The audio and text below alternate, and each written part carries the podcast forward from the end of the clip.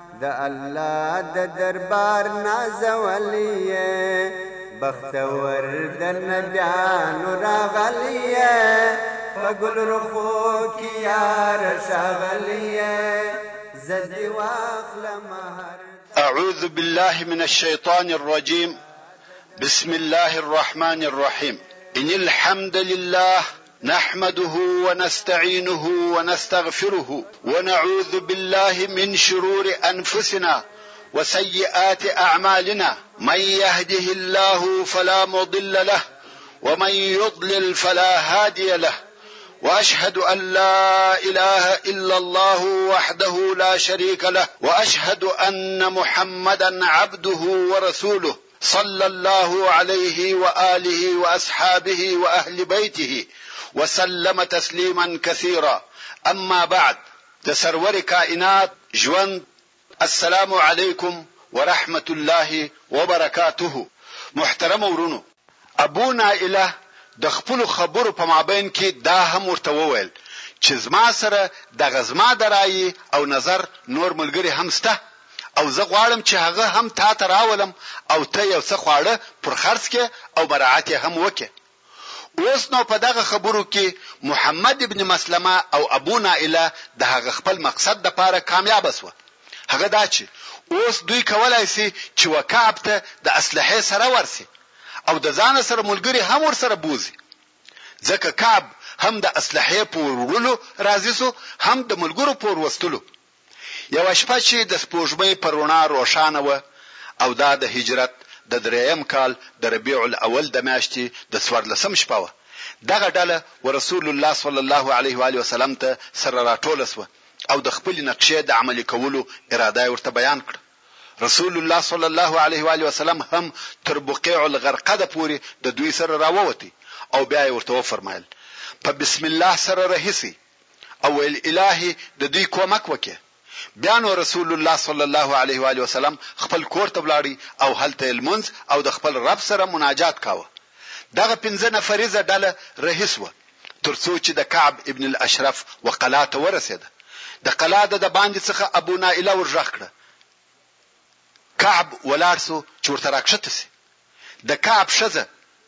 چې په دغه نږدې وختو کې یې غوښتې وه، ورته وايي، د شپې په دغه وخت کې ته چېرې ځې؟ او ما داسې اواز واورېد لکه د هغه څخه چې وینې څڅېږي. کعب ویل، دا زما ورور محمد ابن مسلمه او زما رضعي ورور ابو نائله دي. او یو باعزته شجاع سړی که د چړو ووهلو ته وغوښتل شي باید دغه دعوت قبول کړي او بیا نو کعب په کبر او غرور د قلا څخه په داسې حال کې راکښته شو چې ډیر عطر یې استعمال کړي وه او د سر د وریښتانو څخه یې خوشبویي پورته کیده د کعب تر راوتلو د مخه ابو نائله و خپلو ملګرو ته ویلي وه کوم وخت چې کعب راسي زه تر ویښتانو نیسم او وریښتان یې بویوم، هر وخت چې تاسې په دې پوه شواست چې ما تر وریښتانو ښه ټینګ ونیوی نو یې په تورو وهئ. اوس چې کعب راکښته شو تر څه وخته یې دهلته خبرې سره وکړې او بیا ابو نایله ورته وویل، یا ابن الاشرف! نه غواړې چې شعب العجوز ته ولاړ شو او دغه پاته شپه هلته مجلس سره وکړو، کعب ویل، ستاسې خوښه ده؟ نو سره رهي شوه، پر لارې ابو نایله ورته وایي، تر تر دغه عطرو چې نن شپه تا وهلي دي خوشبویه عطر مې نه دي لیدلي. کعب د دې خبرې د اورېدلو سره په فخر وویل، زما سره د عربو تر ټولو ښځو خوشبویه ښځه ده. ابو نائله ویل، اجازه راکوې چې سر دې بوی کړم؟ کعب ویل، هو. ابو نائله لاس د ده په وریښتانو ننه ایستی، ده یې وریښتان بوی کړه او د ده ملګرو یې هم وریښتان بوی کړه. تر یو څه تګ وروسته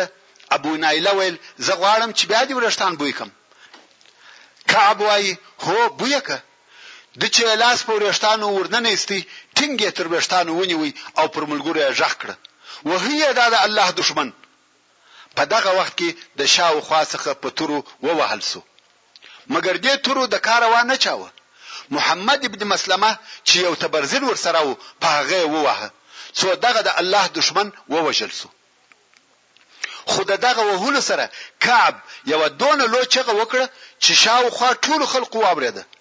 او داسې قلا نه شوه پاته چې پر هغه دې اور نه شي بل. خلقو د قلاوو پر سرو اورونه بل کړه چې دا د جمعه کېدو او آماده کېدو علامه وه. د مسلمانانو پنځه نفریزه ډله د مدینې منورې پر طرف رهي شوه. خو په دغه نفرو کې حارث رضی الله تعالی عنه د خپلو ملګرو په تورو زخمي شوی و. او وینې ځینې بهېدې، د خپلو ملګرو تر شا پاتې شو. هغه نور ملګري چې حرة العریض ته ورسېده ویلي ده چې حارث د دوی سره نشته، نو یې یو ساعت دالته انتظار ورته وکړ څو هغه هم چې کرار کرار په دوی پسې و راورسېدی. حارث یې پر اوږو ورسره واخیست څو و بقیع الغرقد ته ورسېد او هلته یې په لوړ آواز تکبیر ووایه، رسول الله صلی الله علیه و آله وسلم د دوی تکبیر واورېد او پوه شو چې کعب یې وژلی دی، رسول الله صلی الله علیه و آله وسلم هم تکبیر ووایه.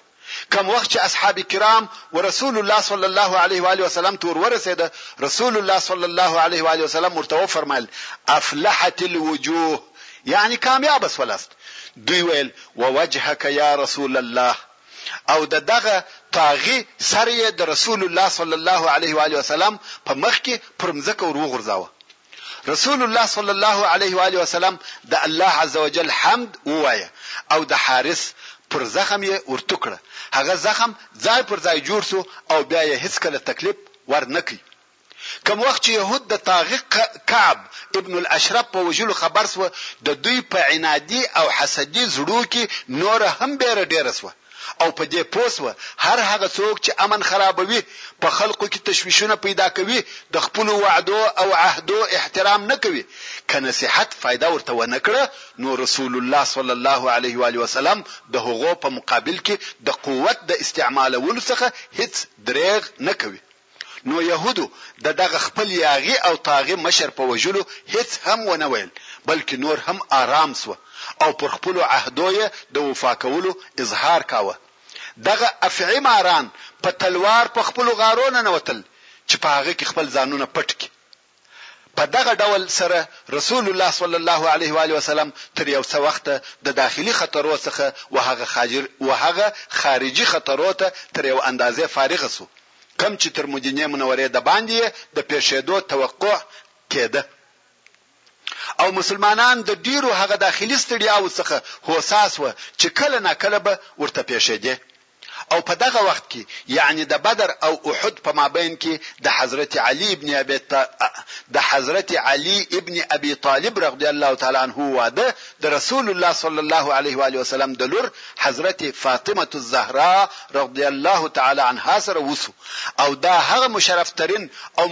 مکرم ترين واده دی چي د رسول الله صلی الله عليه واله وسلم د لور حضرت فاطمة الزهرا هغه چې په شرف او عزت کې به د دې مثل ډېر لږ وي، د رسول الله صلی الله علیه وآله وسلم د اکا د زوی او هغه نږدې ملګري سره کېږي. اوس نو د فروع یا بحران د غزا بیان به درته وکړم. وروڼو! تاسې ته معلومه ده چې د هجرت درېیم کال داخل شو، نو د هجرت د درېیم کال د ربیع الاخر په میاشت کې رسول الله صلی الله علیه وآله وسلم په یوه بله جنګي دوره د درو سوو نفرو اصحاب کرامو په ملګرتیا د مدینې منورې و جنوبي طرف ته د قریشو و یوې قافلې ته چې د یمن څخه رارهي وه ورووتی چې و دغه مځکې ته بحران ویل کېږي او د فروع په منطقه کې واقع ده. څرنګه چې قافله د مخه را تېره شوې وه نو جنګ ونه شو، خو د رسول الله صلی الله علیه و آله وسلم د دغه وتلو په سبب کې روایتونه مختلف دي، څوک وايي چې د قریشو و قافلې ته وروتلی و او څوک وايي چې رسول الله صلی الله علیه و آله وسلم ته خبر ورسېدی چې بني سلیم د مسلمانانو د جنګ لپاره سره جمع شوي دي. نو رسول الله صلی الله علیه وآله وسلم د هغو تر حملې د مخ ورووتی. بني سلیم چې د رسول الله صلی الله علیه وآله وسلم په ورتګ خبر سوه سره وپاشل سوه او لاړه خو اول روایت صحیح دی ځکه د بني سلیم کورونه د فروع و طرف ته ندي بلکې بني سلیم په نجد کې پراته وه بیا نو د زید ابن حارثه رضی الله تعالی عنه سریه یا ټولۍ، دغه سریه هغه آخرنۍ او کامیاب ترینه واقعه ده چې د هجرت د درېیم کال د جمادی الاخر په میاشت کې د احد تر غزا د مخه پېښه شوه، وروڼو! د بدر تر غزا وروسته و قریشو ته لوی تکلیف او تشویش پېښ شو، ځکه قریشو نه صنعت درلود، نه زراعت،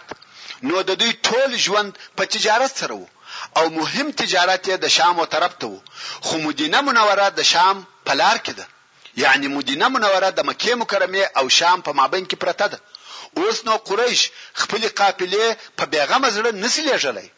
ځکه قافله باید خامخا د مدینې منورې پر لار تیره سي او هلته یې مسلمانان راګرځوي نو خود قریش په غم او تشویش کې دي صفوان ابن امیه هغه چې ورور او پلار یې په بدر کې ووژل شو. قریشو دغه صفوان د دغه کال د تجارتي قافلو د مشرتوب لپاره انتخاب کړ. اوس نو صفوان و قریشو ته وایي، محمد، صلی الله علیه و آله وسلم، او د ده ملګرو زموږ تجارت پر موږ بند کړ. موږ نه پوهېږو چې موږ د ده په اصحابو څه وکړو. او د ساحلي لارو خلق هم ټول د ده ملګري شوه. اوس زه نه پوهېږم چې پر کومه لار ولاړ شم. که موږ د لې په خپلو کورو کې پاتې شو، خپله سرمایه خورو. هیڅ شی نه راپاتې کېږي. او تاسې پوهېږئ چې په مکه مکرمه کې زموږ ژوند په تجارت سره دی، چې په دوبي کې شام ته ځو او په ژمي کې یمن ته ځو. پر دې موضوع بحث وشو. څو اسود ابن مطلب و صفوان ته وویل، د ساحل لار پرېږده او د عراق لار ونیسه، چې دا ډېره اوږده لار وه. یوار به قافله د عراق پر طرف تله او بیا به د هغه ځای څخه په نجد کې تېرېده، بیا به شام ته تله، چې دغه لار د مدینې منورې په شرقي طرف کې د مدینې منورې څخه ډېره لرې تېرېده. او قریشو ته دغه لار هیڅ نه وه ورمعلومه، نو اسود ابن مطلب و صفوان ته وویل چې فرات ابن حیان درسره ملګری که چې هغه دغه لار درښیي. قریشو د دې قافلې خبر ډېر پټ ساتلی و، هیڅوک نه وه خبر چې قافله کله او د کومې لارې څخه ځي، خو سبحان الله، الهي قدرت دی، د دغه قافلې او د تګ د لارې خبر مدینې منورې او مسلمانانو ته ورسېدی. هغه داسې چې یو د مسلمانانو څخه چې سلیط ابن نعمان نومېدی چې مسلمان وو په کفارو کې یې دجاهلیت د وختو څخه یو اشنای درلودی چې د هغه نوم نعیم ابن مسعود وو او مشرک دی. دغه نعیم ابن مسعود د خندق په غزا کې ډېره جالبه قصه لري چې پر خپل وخت به درته بیان شي. او هغه وخت مسلمان شو خو اوس دغه نعیم مشرک او د کفارو سره دی نو سلیط ابن نعمان مسلمان د نعیم ابن مسعود مشرک سره د شراب چښلو په مجلس کې ناست دی او شراب سره چښي البته تر دغه وخته شراب نه و حرام شوي نعیم ابن مسعود نشه شو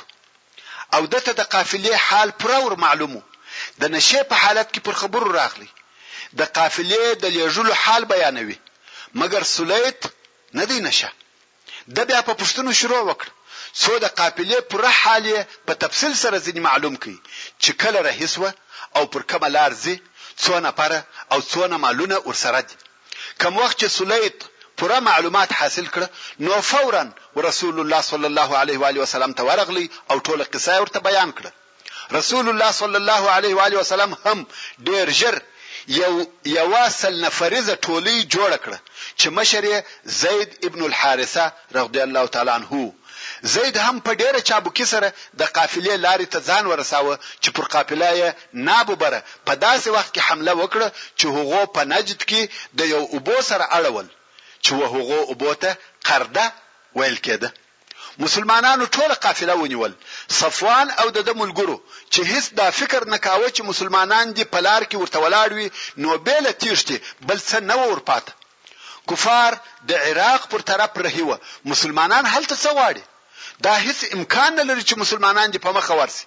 دوی په بېغمه زړه اړول چې ناببره حمله پر وشوه، نو صفوان او هغه د قافلې ساتونکي بې له کم مقاومته ټول وتښتېده. قافله یې سره د هغه مالو چې پکښې وه پر میدان پرېښوول. مسلمانانو ټوله قافله په غنیمت واخیسته، سل زره د سپینو زرو درهمه، اوښان، مالونه، ټول شیان، چې دا و مسلمانانو ته لوی غنیمت و. حتی هغه د قافلې لارښوونکی فرات ابن حیان یې هم بندي ونیوی. رسول الله صلی الله علیه و آله وسلم پس له هغه څخه چې د قافلې څخه یې خمس وایست، نوره قافله یې د ټولۍ پر افرادو تقسیم کړه او فرات ابن حیان مسلمان شو. دغه حمله پس له برده پس له بدر څخه و قریشو ته یو بل غم او مصیبت شو. په دې یې نور هم تشویش او پریشاني زیات شوه، اوس نو د قریشو و مخته دوې لارې دي، یا به خپله سرکشي او کبریا پرېږدي، د مسلمانانو سره به د صلحې او مسالمت لار اختیاروي، یا به داسې جنګ کوي چې په هغه سره خپل بایللی مجد او پخوانی عزت لاس ته راوړي او د مسلمانانو قواوې داسې تیت او پرک کړي چې نه پر دوی او نه د دوی پر قافلو تسلط ولري. خو د مکې مکر خو د مکې مکرمې مشرکانو دغه دوهمه د جنګ لار اختیار کړه، پر دې یې ټینګار کاوه چې خپله بدله واخلي او د مسلمانانو سره د مقابلې لپاره باید پوره امادګي ونیسي او پر مسلمانانو باید د دوی په کورو کې حمله وشي، نو دغه د قافلې اخیستل او هغه نورې پخوانۍ واقعې د دې سبب وګرځېدې چې د احد غزا یې په وجود راوړه. د احد د غزا یا د یوه نیستي کوونکي جنګ د پاره د قریشو آمادګي پس له هغه څخه چې قریشو د بدر په غزا کې شرموونکی شکست وخوړی، مشران او سرداران یې ووژل شوه، نو قریش د قهره څخه سره ایښي، او په زړو کې یې د انتقام او بدلې اخیستلو اور بل و، حتی قریشو د بدر پر وژل شوو کسانو ژړا منع کړه او ویل د بندیانو د خلاصون لپاره پر فدیه ورکولو هم تلوار مه کوئ، دا د دې لپاره چې مسلمانانو ته د دوی د درد او غم اندازه نه شي معلومه، نو د بدر تر جنګ وروسته قریشو پر دې اتفاق وکړ چې د مسلمانانو پر ضد به یو عمومي داسې جنګ جوړوي چې د دوی زخم ور جوړ کړي. او د دوی د انتقام تنده ور ماته کړي، نو یې د دغسې جنګ دپاره د تیارۍ او آمادګۍ په نیولو شروع وکړه. د قریشو په مشرانو کې عکرمه ابن ابي جهل، صفوان ابن امیه، ابو سفیان ابن حرب، عبدالله ابن ابي ربیعه، هغه کسان وه چې د جنګ کولو دپاره په ډېر شوق او حماس کې وه، او د دغه جنګ د کامیابه کولو د پاره هغه اول کار چې دوی وکړ هغه دا وو کومه قافله چې ابو سفیان د مسلمانانو د حملې څخه خلاصه کړه او د بدر د جنګ سبب وګرځیده د مشرکانو مشرانو هغه قافله د ځان سره وساتل او د هغې و مالکانو یا هغو کسانو ته چې په دغه قافله کې یې حصه درلوده وویل یا معشر قریش! محمد، صلی الله علیه وآله وسلم، ستاسې سره ظلم وکړ، ستاسې سرداران او مشران یې ووژل، په دغه مال سره د ده د جنګ لپاره زموږ کومک وکړئ، شاید چې موږ خپل انتقام او بدله واخلو. هغو هم دا قبوله کړه. اوس نو دغه قافله چې زر اوښه پکښې وه او د سرو زرو پنځوس زره دیناره یې د مالو قیمت و، دا ټوله د راتلونکي جنګ لپاره کښېښوول شوه. الله عزوجل د سوره الانفال په 14 نمبر آیات کې فرمایي ان الذين كفروا ينفقون اموالهم ليصدوا عن سبيل الله فسينفقونها ثم تكون عليهم حسره ثم يغلبون یعنې بېشکه هغه کسان چې کافران دي خپل مالونه د دې لپاره مصرفوي چې خلق د الله جل جلاله د دین او لارې څخه منع کړي، ژر ده چې دوی به دغه مالونه د دغه مقصد لپاره مصرف کړي، خو دغه مصرفول به د دوی لپاره یو حسرت او پښېماني وي، ځکه مالونه بې مصرف شي او مقصد بې په حاصل نه شي او بیا به په اخر کې هم دوی مغلوب شي. پس له هغه څخه چې دغه تجارتي مالونه یې د راتلونکي جنګ دپاره تخصیص کړه نور هم د خدای و هست موضوع شروع شوه او خلقو هم پوره مالي کومک وکړ دا خو مالي او مادي حالت و چې ډېر ښه مخته ولاړی بیا نو قریشو د شاوخوا په ټولو قبایلو کې لکه د احابیش قبیله، کنانه او اهل تهامه، نجد او غطفان کې اعلان وکړ، هر څوک چې زموږ په ملګرتیا د مسلمانانو سره په جنګ کې حصه اخلي هغه کولای شي چې راسي. یوازې دا نه چې اعلان یې وکړ بلکې په خپله ابو سفیان و غطفان ته ورغلی، هغه غطفان چې رسول الله صلی الله علیه و آله وسلم حمله پر کړې وه او موږ یې لږ د مخه بیان درته وکړ. غطفان هم نفر ورکړه چې په دې جنګ کې د ابو سفیان کومک وکړي. او بیا ابو سفیان د حبشان و قبیلې ته ورغلی هغو هم د نفرو کومک ورسره وکړ ابو سفیان د هر چا څخه کومک غواړي او د هر ځای څخه نفر راټولوي حتی صفوان ابن امیه هغه ابو عزه شاعر کم چې د بدر په جنگ کې مسلمانانو بندي ونیوي او بیا رسول الله صلی الله علیه و علیه وسلم بېله فدیې په دې شرط ایله کړ چې بیا به د مسلمانانو پر ضد نه جنګیږي او ده هم دغه وعده وکړه نو صفوان دغه ابو عزه په دې راضي کړ چې پر قبیلو ګرځه او په خپلو اشعارو سره خلق د مسلمانانو پر ضد پاروه او صفوان دا وعده ورسره وکړه که ته د جنګ څخه ژوندی راغلې دونه مال به درکم چې په یوه وار به دې غني کم او که ووژل شوې ستا د لوڼو نفقه د همېش لپاره پر ما ده. ابو عزه هم دغه سودا قبوله کړه، قبیله پر قبیله ګرځېدی او په خپلو اشعارو سره یې خلق د مسلمانانو و جنګ ته تشویقول. همدارنګه قریشو یو بل شاعر هم د دغه وظیفې لپاره انتخاب کړ چې هغه مصافع ابن عبد مناف الجمحي و. په خپله ابو سفیان پس له هغه څخه چې د سویق د غزا څخه په خالي لاس راغلی، په عوض د دې چې مسلمانانو ته ضرر او تاوان ورسوي، ده خپل ډېر غذايي مواد پر لارې وغورځول او بیا تر هغه وروسته چې د زید ابن حارثه رضی الله تعالی عنه د ټولۍ په سبب و قریشو ته هغه مالي تاوان ورسېدی، چې د دوی د اقتصاد ملا یې ور ماته کړه، په دې کارو ابو سفیان او د قریشو نورو مشرانو ته دونه غم او تشویش پېښ پېښ وو چې اندازه یې نشي بیانېدلای، نو ځکه قریشو د داسې جنګ د پاره چې د دوی او مسلمانانو په مابین کې فیصله کوونکی وي په ډېر تلوار او جدیت سره آمادګي نیول او ژر ژر په تلوار سره خپل کارونه مخ ته بیایي. اوس چې د بدر د غزا پوره یو کال تېر شو، په دغه موده کې قریشو وکولای شوای چې خپل لښکر او اسلحه تیار او آماده کړي. قریشو د درو زرو جنګي نفرو لښکر جوړ کړ، چې دا په خپله قریش، د دوی حلیفې قبیلې، احابیش او نور وه. قریشو ته ډېر لوی لښکر راټول شو. یو کال د مخه په بدر کې د کفارو شمېر زر نفره و او اوس درې زره نفره شو چې دا د خلقو په راټولولو او جمع کولو د ابوسفیان قدرت ښکاره کوي او د قریشو مشرانو په دې جنګ کې ښځې هم ورسره رهي کړې. ځکه د دوی په په فکر دا کار په جنګ کې د خلقو د ثابته پاته کېدو سبب ګرځي او د دغه ښځو شمېر پنځلس تنې وو. د دې لښکر د نقلولو حیوانات درې زره اوښان وه او دوه سوه د آسانو سپاره ورسره وه، د ساتنې اسلحه یې اووه سوه زغرې وې. د لښکر عمومي قومندان ابو سفیان ابن حرب دی، د آسانو د سپرو قومندان خالد ابن ولید دی او د ده معاون عکرمه ابن ابي جهل وو، چې دغه دواړه په هغه وختو کې د خپلو پلرو پر دین یعنې پر شرک وه. د مکې مکرمې دغه لوی او مسلح لښکر پس له دغه ټولو تیاریو څخه د مدینې منورې پر طرف حرکت وکړ. پخوانی انتقام او کامل غضب د دغه لښکر په زړو کې د بغض او عناد اورونه بل کړي وه. د دوی د حسد ډک او زخمي زړو ته تر هغو شفا نه شي راتللای تر څو چې رسول الله صلی الله علیه وآله وسلم او ټول مسلمانان و نه وژني او د اسلام دین نیست او نابود نه کړي. عباس ابن عبدالمطلب رغدی الله تعالی عنه د رسول الله صلی الله علیه و آله وسلم اکا چې په مکه مکرمه کې دی د قریشو دغه حرکتونه او عسکري آمادګۍ تر نظر لاندې نیولي دي. کوم وخت چې دې لښکر حرکت وکړ عباس رغدی الله تعالی عنه په ډېر تلوار سره یو لیک ورسول الله صلی الله علیه و آله وسلم ته ولېږی چې په هغه لیک یې د لښکر ټول حالات په تفصیل سره لیکلي وه. د عباس رضی الله تعالی عنه قاصد هم د دغه لیک په رسولو کې ډېره چابکي او چالاکي وکړه، تر داسې اندازې چې د مکې مکرمې او مدینې منورې تر مابین پنځه سوه کیلومتره لار یې په درو ورځو طی کړه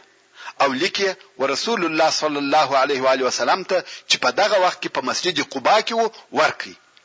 لیک ابی ابن کعب رضی الله تعالی عنه ورسول الله صلی الله علیه و آله وسلم ته ووایه. رسول الله صلی الله علیه و علیه وسلم د حال په پټولو سره امر کوي او په خپل رسول الله صلی الله علیه و علیه وسلم ډیر ژر و مدینه منورې ته ولاړی هلته د مهاجرینو او انصارو مشران سره راټول کړه مشوره ورسره کوي چې موږ باید څه وکړو ټوله مدینه منوره د تیارسۍ په حالت کې ده. مسلمانان حتی د لمانځه په وخت کې هم اسلحه د ځانه څخه نه لیرې کوي.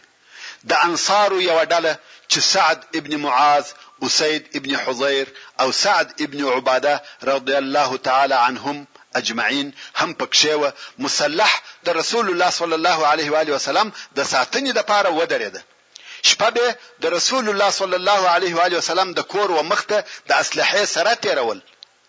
پر هغه لارو چې د دباندې څخه مدینې منورې ته راتلې د مسلمانانو مسلحې ډلې ودرېدلې د پاره د دې چې په بې خبري کې حمله پر ونشي او د مسلمانانو ګشتي پيرې شروع شوې. د هغو لارو پر شاوخوا ګرځېده چې د دې احتمال و چې مشرکان دې د دغه طرفه حمله وکړي. د مشرکانو لښکر چې د مکې مکرمې څخه راووت د مدینې منورې پر عمومي لار رهي وو، کوم وخت چې ابوا ته ورسېد دلته هند بنت عتبه چې د ابو سفیان ښځه وه و قوم ته دا مشوره ورکړه چې د رسول الله صلی الله علیه و آله وسلم د مور قبر وشني او دا د قبر څخه راوباسي خو د لښکر مشرانو دا مشوره رد کړه او د دې کار د عواقبو څخه وبېرېده، ویل که دا کار شروع شو په نتیجه کې یې موږ تاوانیان کېږو. لښکر بیا هم د مدینې منورې پر لار رهي دی څو و مدینې منورې ته نږدې شو. دلته د لارې و راسته طرف ته واوښته تر څو چې د احد و غره ته نږدې یې په یوه ځای کې واړول چې عینین ورته ویل کېږي. د کفارو لښکر پر دغه ځای د جمعې په ورځ چې د هجرت د درېیم کال د شوال د میاشتې شپږمه ورځ وه، واړول.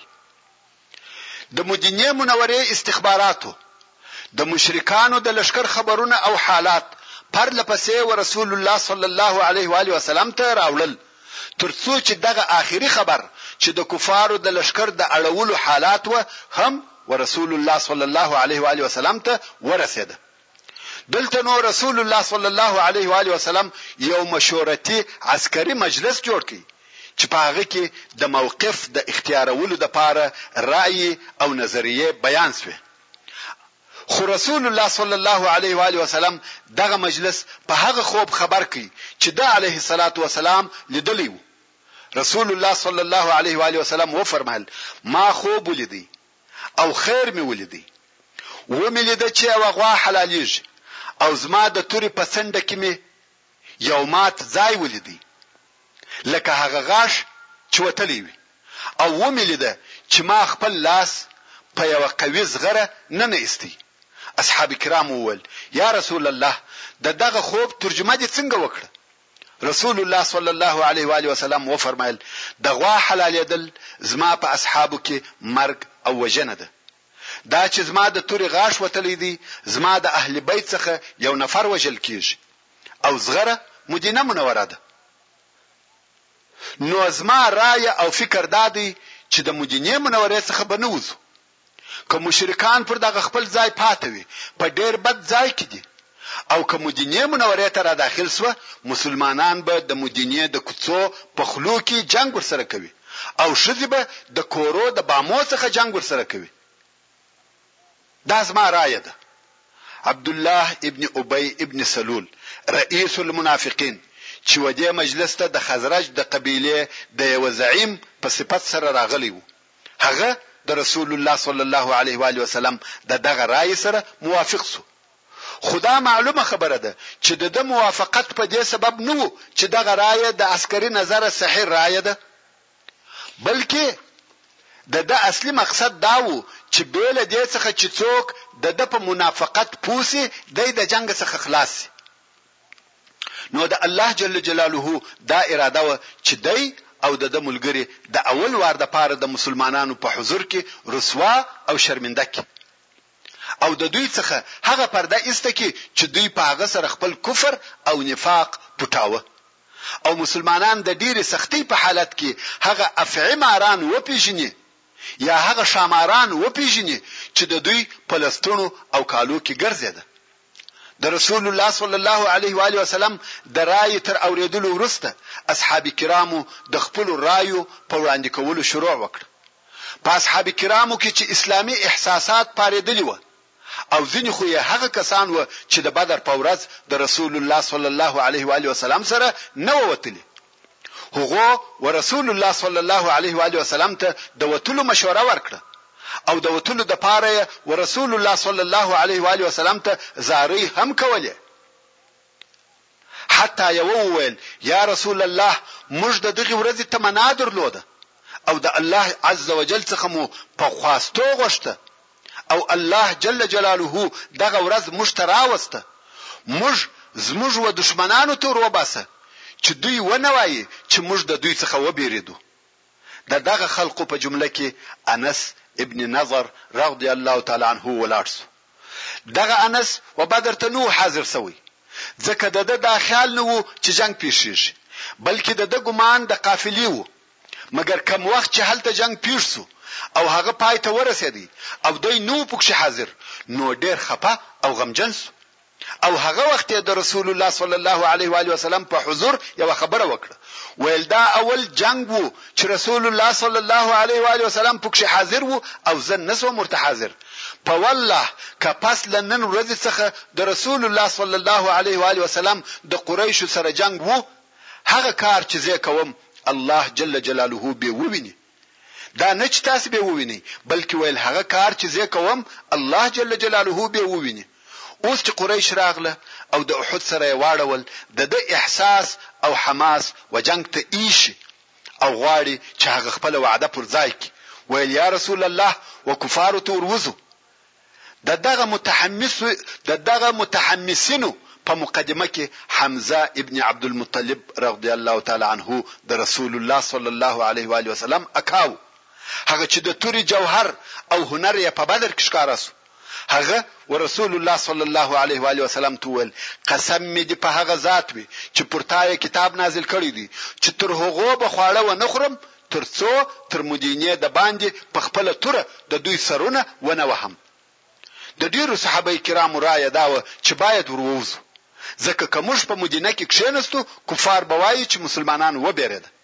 نو رسول الله صلی الله علیه وآله وسلم د رایو د اغلبیت په مقابل کې خپله رایه او نظر پرېښاوه او پر دې فیصله وشوه چې د مدینې منورې څخه ور وځو او په ښکاره میدان کې ورسره جنګېږو.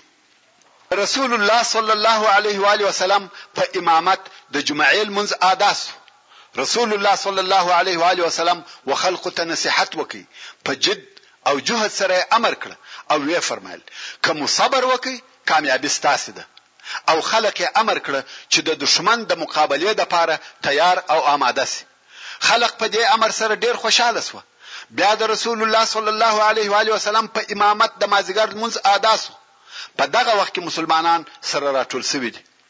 رسول الله صلی الله علیه و آله وسلم د خپلو دوو ملګرو ابوبکر او عمر رضی الله تعالی عنهما په ملګرتیا کور ته ننوتی. خپله اسلحه یې راواخیسته، دوې زغرې یې واغوستې، یعنې یوه پر بله سربېره، چې د دې څخه دا معلومېږي چې جنګ به ډېر شدید او خطرناک وي. خول یې په سر واغوستی، خول د اوسپنې د زنځیرانو څخه جوړېږي چې سر او غاړه پکښې پټ وي، توره یې په ځان وځړول او بیا نو خلقو ته راووتی. په دغه وخت کې چې رسول الله صلی الله علیه و آله وسلم دننه په کور کې د اسلحې په اغوستلو او را اخیستلو مشغول و او هلته تر کور د باندې خلق د ده صلی الله علیه و آله وسلم د راوتلو په انتظار ولاړ و او په دغه باره کې یې خبرې سره کولې چې موږ ولې رسول الله صلی الله علیه و آله وسلم ووتلو ته مجبور کړ چې د هغې جملې څخه سعد ابن معاذ او اسید ابن حضیر رضی الله تعالی عنهما و چې و خلکو ته ویل رسول الله صلی الله علیه و علیه وسلم د وتلو اراده نه درلوده او موږ و وتلو ته مجبور کړي دا مو شکار ونه کړي موږ باید داسې نه وای کړی ټول پر دغه خپل کار پښیمانه دي او وايي خبره ورسول الله صلی الله علیه و علیه وسلم ته پرېږدي کوم وخت چې رسول الله صلی الله علیه و آله وسلم د کوره راووتی دوی ورته وویل یا رسول الله موږ دا حق نه درلودی چې ستا مخالفت وکړو څرنګه چې ستا خوښه وي هغسې وکړه که دې دا خوښه وي چې په مدینه کې پاته سو پاته به سو ستا د رایې څخه مخالفت نه کوو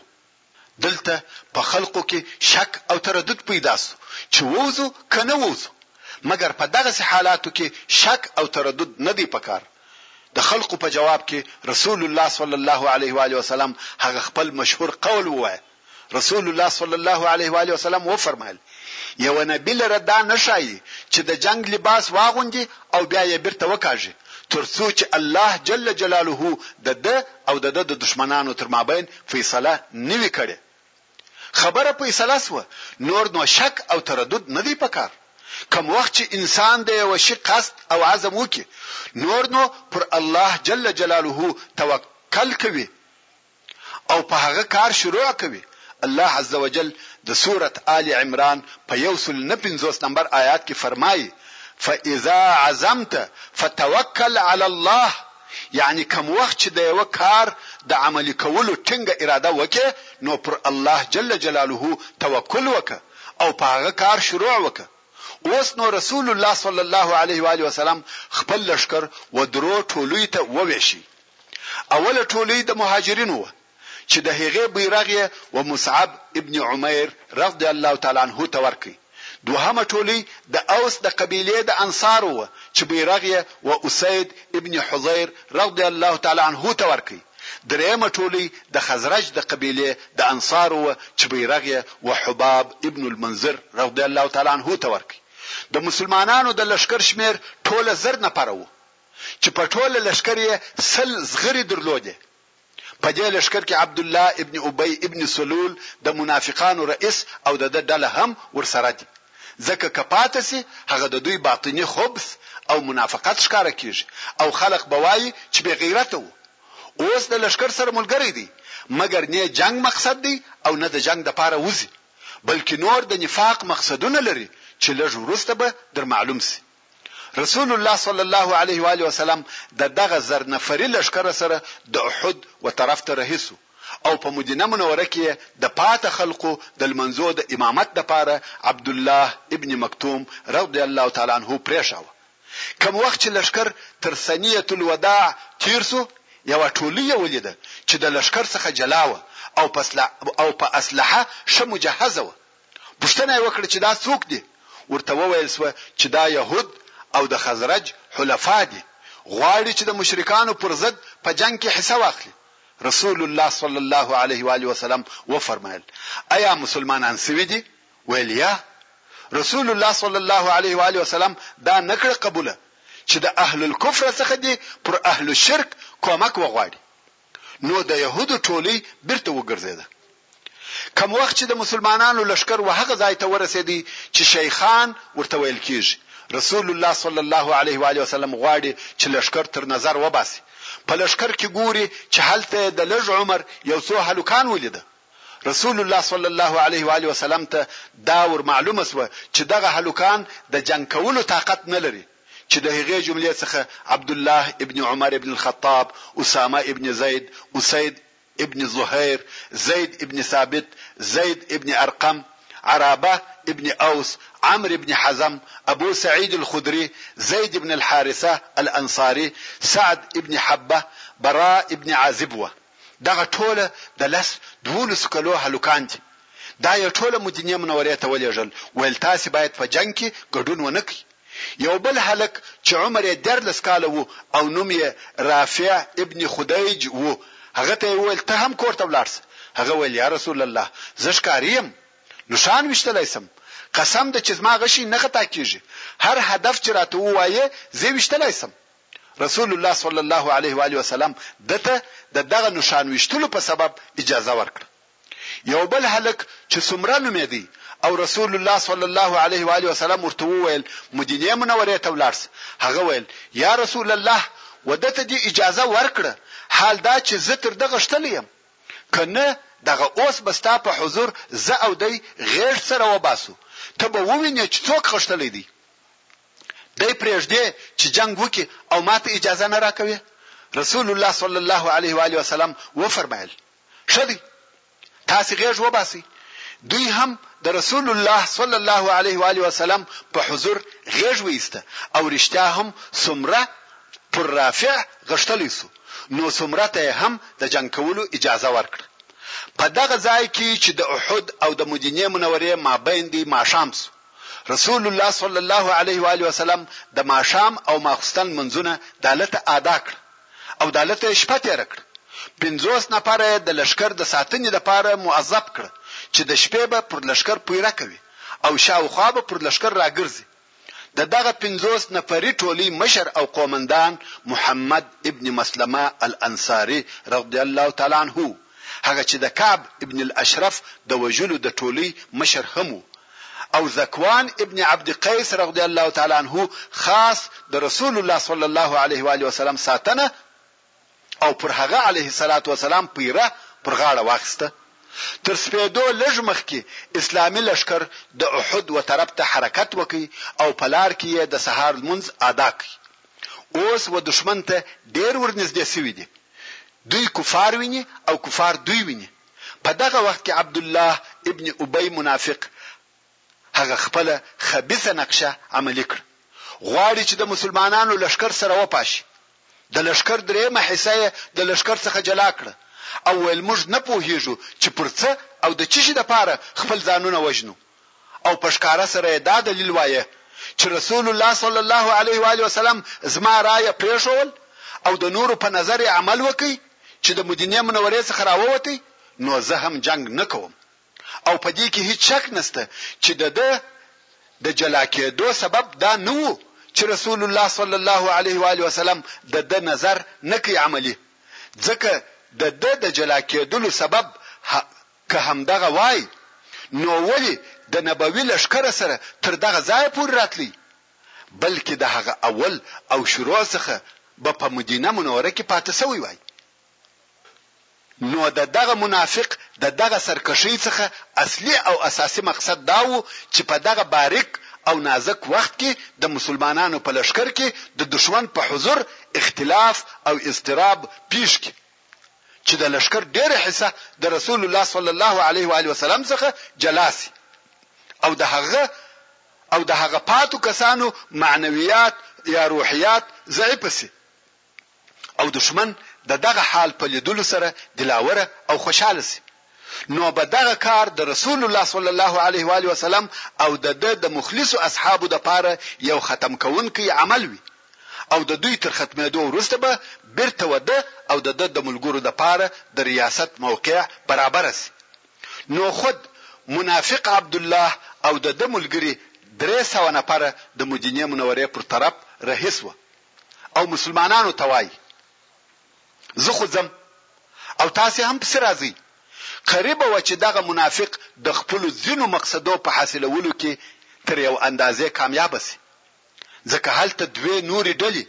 چې یوه یې بني حارثه د اوس د قبیلې څخه وه او بله یې بني سلمه چې د خزرج د قبیلې څخه وه دا هم د منافقانو د خبرو تر تاثیر لاندې راغله او پسې رهي شوه. سره د دې چې دغه دوې ډلې صادقه مسلمانان دي بیا هم رهي شوې خو الله عز وجل د دوی د زړو څخه هغه اضطراب او تشویش ایسته کړ بیرته ثابته او قائمه پاته شوې درې سوه نفر منافقان ولاړ او د رسول الله صلی الله علیه و آله وسلم سره فقط اووه سوه نفره مسلمانان پاته شوه الله عزوجل په سورة آل عمران کې د یو سل او یوویشت نمبر آیات څخه او په نورو وروستنیو آیاتو کې دغه د احد د غزا حالات بیانوي، خو څوک د دغه آیاتو په ترجمه تر هغو نه شي پوهېدلی چې د احد د غزا معلومات ورته نه وي. الله عز وجل فرمائی، واذ غدوت من اهلک تبوئ المؤمنین للقتال والله سمیع علیم یعنی ای محمده صلی الله علیه وآله وسلم کوم وخت چې ته د ورځې په شروع کې د خپله کوره راووتې او د مؤمنانو د پاره دې په احد کې د جنګ ځایونه تیارول او الله جل جلاله ښه اورېدونکی او پر ټولو حالاتو ښه عالم دی.